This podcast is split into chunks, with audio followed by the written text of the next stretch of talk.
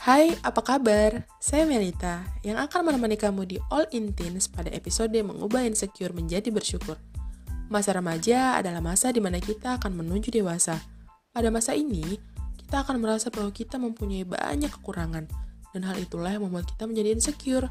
Realitanya, menghilangkan perasaan insecure itu tidak mudah, dan bukan berarti hal itu mustahil untuk dilakukan.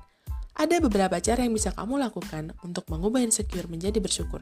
Yang pertama, jangan bandingkan dirimu dengan orang lain, karena hal itu akan membuat dirimu semakin rendah diri.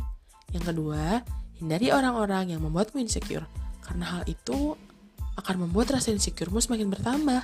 Dan yang terakhir, perbanyak bersyukur atas apa yang kamu dapatkan saat ini. Dengan begitu, kamu sudah menghargai dirimu sendiri. Nah, itu tadi kira-kira hal yang dapat kamu lakukan untuk mengubah insecure menjadi bersyukur.